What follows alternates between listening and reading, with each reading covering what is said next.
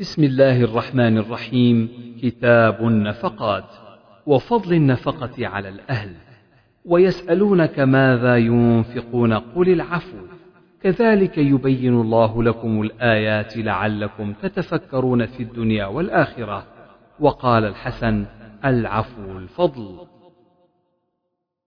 حدثنا آدم بن أبي إياس حدثنا شعبة عن عدي بن ثابت قال سمعت عبد الله بن يزيد الأنصاري عن أبي مسعود الأنصاري فقال عن النبي صلى الله عليه وسلم قال إذا أنفق المسلم نفقة على أهله وهو يحتسبها كانت له صدقة. حدثنا إسماعيل قال حدثني مالك عن أبي الزناد عن الأعرج عن أبي هريرة رضي الله عنه أن رسول الله صلى الله عليه وسلم قال قال الله أنفق يا ابن آدم أنفق عليك. حدثنا يحيى بن قزعة حدثنا مالك عن ثور بن زيد عن أبي الغيث عن أبي هريرة قال قال النبي صلى الله عليه وسلم الساعي على الأرملة والمسكين كالمجاهد في سبيل الله أو القائم الليل الصائم النهار. حدثنا محمد بن كثير أخبرنا سفيان عن سعد بن إبراهيم عن عامر بن سعد عن سعد رضي الله عنه قال كان النبي صلى الله عليه وسلم يعودني وأنا مريض بمكة. فقلت لي مال أوصي بمالي كله. قال لا. قلت فالشطر. قال لا. قلت فالثلث. قال الثلث والثلث كثير. أن تدع ورثتك أغنياء. خير من أن تدعهم عالة يتكففون الناس في أيديهم ومهما أنفقت فهو لك صدقة حتى اللقمة ترفعها في في امرأتك ولعل الله يرفعك ينتفع بك ناس ويضر بك آخرون. باب وجوب النفقة على الأهل والعيال. حدثنا عمرو بن حفص حدثنا أبي حدثنا الأعمش حدثنا أبو صالح قال حدثني أبو هريرة رضي الله عنه قال قال النبي صلى الله عليه وسلم أفضل الصدقة ما ترك غنى واليد العليا خير من اليد السفلى وابدأ بمن تعول. تقول المرأة إما أن تطعمني وإما أن تطلقني ويقول العبد أطعمني واستعملني ويقول الابن أطعمني إلى من تدعني. فقالوا يا أبا هريرة سمعت هذا من رسول الله صلى الله عليه وسلم؟ قال لا هذا من كيس أبي هريرة. حدثنا سعيد بن عفير قال حدثني الليث قال حدثني عبد الرحمن بن خالد ابن مسافر عن ابن شهاب عن ابن المسيب عن أبي هريرة أن رسول الله صلى الله عليه وسلم قال خير الصدقة ما كان عن ظهر غنى وابدأ بمن تعول. باب حبس نفقة الرجل قوت سنة على أهله وكيف نفقات العيال. حدثني محمد بن سلام أخبرنا وكيع عن ابن عيينة قال قال لي معمر قال للثوري هل سمعت في الرجل يجمع لأهله قوت سنتهم أو بعض السنة؟ قال معمر فلم يحضرني. ثم ذكرت حديثا حدثناه ابن شهاب الزهري عن مالك بن أوس عن عمر رضي الله عنه أن النبي صلى الله عليه وسلم كان يبيع نخل بني النضير ويحبس لأهله قوت سنتهم. حدثنا سعيد بن عفير قال حدثني الليث قال حدثني عقيل عن ابن شهاب. قال أخبرني مالك بن أوس بن الحدثان وكان محمد بن جبير بن مطعم ذكر لي ذكرا من حديثه فانطلقت حتى دخلت على مالك بن أوس فسألته فقال مالك انطلقت حتى أدخل على عمر إذ أتاه حاجبه يرفع فقال هل لك في عثمان وعبد الرحمن والزبير وسعد يستأذنون؟ قال نعم فأذن لهم. قال فدخلوا وسلموا. فجلسوا ثم لبث يرفأ قليلا. فقال لعمر هل لك في علي وعباس؟ قال نعم. فأذن لهما. فلما دخلا سلما وجلسا. فقال عباس يا أمير المؤمنين اقض بيني وبين هذا. فقال الرهط عثمان وأصحابه يا أمير المؤمنين اقض بينهما وأرح أحدهما من الآخر.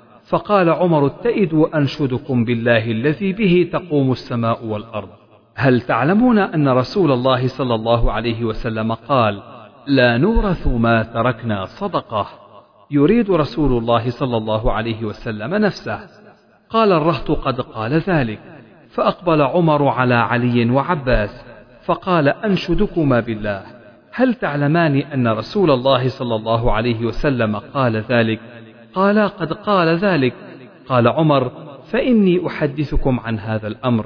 إن الله كان خص رسوله صلى الله عليه وسلم في هذا المال بشيء لم يعطه أحدا غيره. قال الله ما أفاء الله على رسوله منهم إلى قوله قدير. فكانت هذه خالصة لرسول الله صلى الله عليه وسلم. والله ما احتازها دونكم ولا استأثر بها عليكم. لقد أعطاكموها وبثها فيكم حتى بقي منها هذا المال. فكان رسول الله صلى الله عليه وسلم ينفق على أهله نفقة سنتهم من هذا المال. ثم يأخذ ما بقي فيجعله مجعل مال الله. فعمل بذلك رسول الله صلى الله عليه وسلم حياته. أنشدكم بالله هل تعلمون ذلك؟ قالوا نعم. قال لعلي وعباس أنشدكما بالله هل تعلمان ذلك؟ قالا نعم. ثم توفى الله نبيه صلى الله عليه وسلم فقال أبو بكر أنا ولي رسول الله صلى الله عليه وسلم فقبضها أبو بكر يعمل فيها بما عمل به فيها رسول الله صلى الله عليه وسلم. وأنتما حينئذ وأقبل على علي وعباس تزعمان أن أبا بكر كذا وكذا.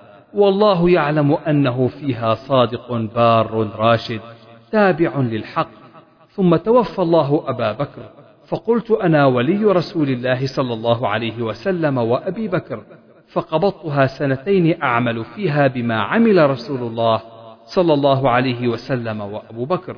ثم جئتماني وكلمتكما واحدة وأمركما جميع.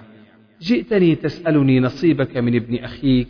وأتى هذا يسألني نصيب امرأته من أبيها فقلت إن شئتما دفعته إليكما على أن عليكما عهد الله وميثاقه لتعملان فيها بما عمل به رسول الله صلى الله عليه وسلم وبما عمل به فيها أبو بكر وبما عملت به فيها منذ وليتها وإلا فلا تكلمان فيها فقلت مدفعها إلينا بذلك فدفعتها إليكما بذلك. أنشدكم بالله هل دفعتها إليهما بذلك؟ فقال الرهط نعم. قال فأقبل على علي وعباس فقال أنشدكما بالله هل دفعتها إليكما بذلك؟ قالا نعم. قال أفتلتمسان مني قضاء غير ذلك؟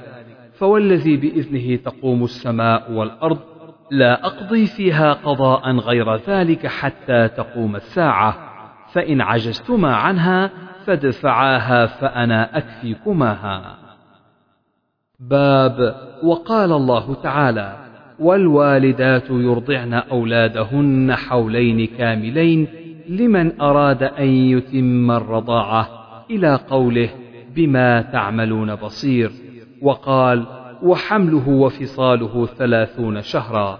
وقال وإن تعاسرتم فسترضع له أخرى.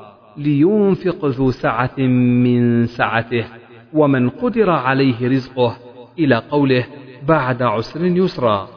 وقال يونس عن الزهري نهى الله أن تضار والدة بولدها وذلك أن تقول الوالدة لست مرضعته وهي أمثل له غذاء وأشفق عليه وأرفق به من غيرها.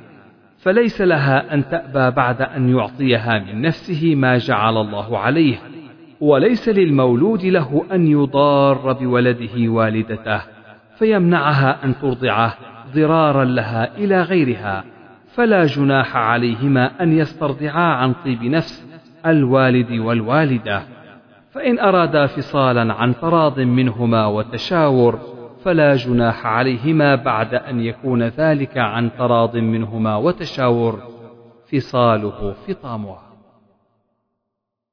باب نفقة المرأة إذا غاب عنها زوجها ونفقة الولد.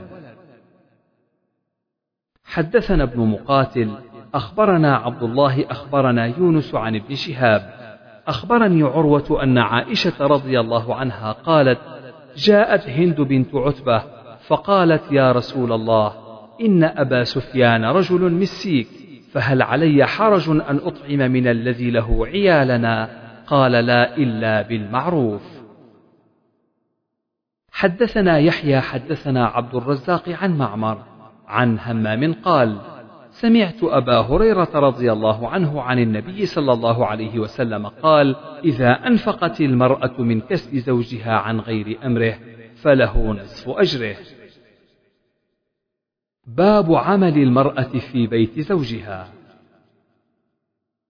حدثنا مسدد حدثنا يحيى عن شعبة قال حدثني الحكم عن ابن أبي ليلى.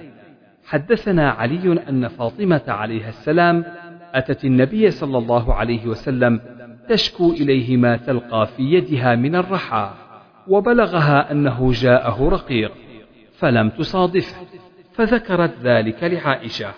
فلما جاء أخبرته عائشة قال فجاءنا وقد أخذنا مضاجعنا فذهبنا نقوم فقال على مكانكما فجاء فقعد بيني وبينها حتى وجدت برد قدميه على بطني.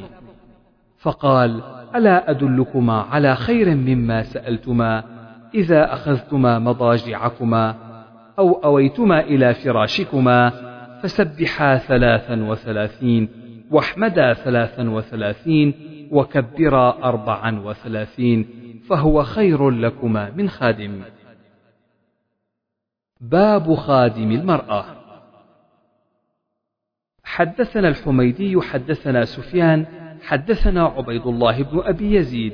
سمع مجاهدا سمعت عبد الرحمن بن أبي ليلى يحدث عن أبي طالب أن فاطمة عليها السلام أتت النبي صلى الله عليه وسلم تسأله خادما فقال ألا أخبرك بما هو خير لك منه؟ تسبحين الله عند منامك ثلاثا وثلاثين وتحمدين الله ثلاثا وثلاثين وتكبرين الله أربعا وثلاثين قال سفيان إحداهن أربع وثلاثون فما تركتها بعد؟ قيل ولا ليلة صفين قيل ولا ليلة صفين باب خدمة الرجل في أهله. حدثنا محمد بن عرعرة حدثنا شعبة عن الحكم بن عيينة عن إبراهيم عن الأسود عن يزيد. سألت عائشة رضي الله عنها ما كان النبي صلى الله عليه وسلم يصنع في البيت؟ قالت كان في مهنة أهله فإذا سمع الأذان خرج. باب إذا لم ينفق الرجل فللمرأة أن تأخذ بغير علمه ما يكفيها وولدها بالمعروف. حدثنا محمد بن المثنى حدثنا يحيى عن هشام قال أخبرني أبي عن عائشة أن هند بنت عتبة قالت يا رسول الله إن أبا سفيان رجل شحيح وليس يعطيني ما يكفيني وولدي إلا ما أخذت منه وهو لا يعلم. فقال خذي ما يكفيك وولدك بالمعروف. باب حظ المرأة زوجها في ذات يده والنفقة. حدثنا علي بن عبد الله حدثنا سفيان حدثنا ابن طاووس عن أبيه وأبو الزناد عن الأعرج. عن أبي هريرة أن رسول الله صلى الله عليه وسلم قال خير نساء ركبن الإبل نساء قريش. وقال الآخر صالح نساء قريش أحناه على ولد في صغره وأرعاه على زوج في ذات يده. ويذكر عن معاوية وابن عباس عن النبي صلى الله عليه وسلم. باب كسوة المرأة بالمعروف. حدثنا حجاج بن منهال حدثنا شعبة قال أخبرني عبد الملك بن ميسرة قال سمعت زيد بن وهب عن علي رضي الله عنه قال آتى إلي النبي صلى الله عليه وسلم حلة سيراء فلبستها فرأيت الغضب في وجهه فشققتها بين نسائي.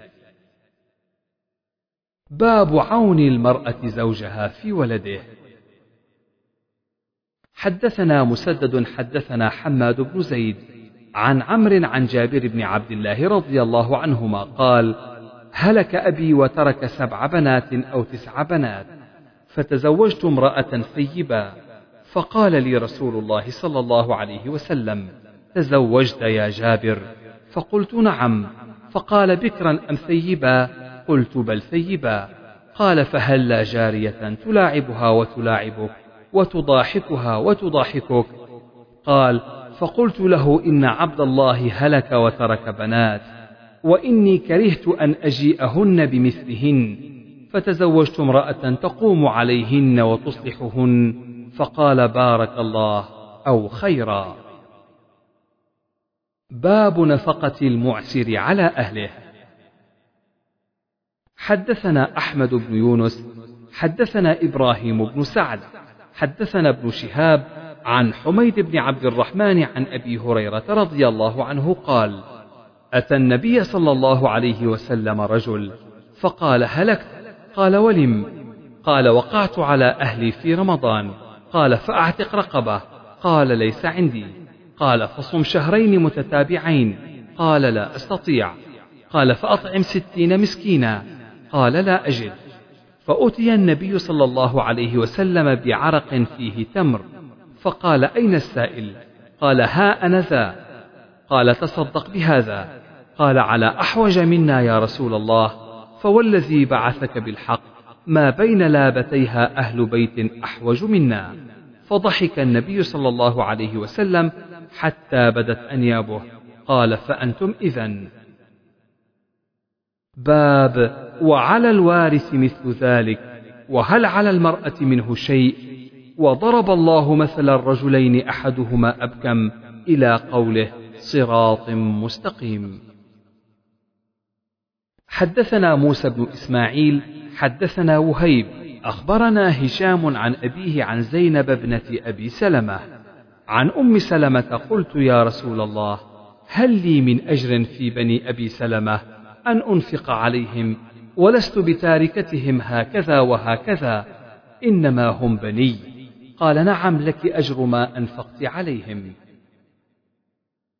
حدثنا محمد بن يوسف حدثنا سفيان عن هشام بن عروة عن أبيه عن عائشة رضي الله عنها قالت هند يا رسول الله إن أبا سفيان رجل شحيح فهل علي جناح أن آخذ من ماله ما يكفيني وبني؟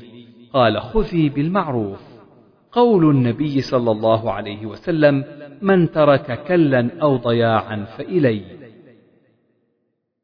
حدثنا يحيى بن بكير حدثنا الليث عن عقيل عن ابن شهاب عن أبي سلمة عن أبي هريرة رضي الله عنه أن رسول الله صلى الله عليه وسلم كان يؤتى بالرجل المتوفى عليه الدين فيسأل هل ترك لدينه فضلا فإن حدث أنه ترك وفاء صلى وإلا قال للمسلمين صلوا على صاحبكم فلما فتح الله عليه الفتوح قال أنا أولى بالمؤمنين من أنفسهم فمن توفي من المؤمنين فترك دينا فعلي قضاؤه ومن ترك مالا فلورثته. باب المراضع من المواليات وغيرهن. حدثنا يحيى بن بكير حدثنا الليث عن عقيل عن ابن شهاب. أخبرني عروة أن زينب ابنة أبي سلمة أخبرته. أن أم حبيبة زوج النبي صلى الله عليه وسلم قالت قلت يا رسول الله انكح أختي ابنة أبي سفيان. قال وتحبين ذلك؟ قلت نعم لست لك بمخلية وأحب من شاركني في الخير أختي. فقال إن ذلك لا يحل لي. فقلت يا رسول الله فوالله إنا نتحدث أنك تريد أن تنكح درة ابنة أبي سلمة. فقال ابنة أم سلمة فقلت نعم. قال فوالله لو لم تكن ربيبتي في حجري ما حلت لي. إنها ابنة أخي من الرضاعة. أرضعتني وأبا سلمة ثويبة. فلا تعرضن علي بناتكن ولا أخواتكن. وقال شعيب عن الزهري. قال عروة ثويبة أعتقها أبو لهب.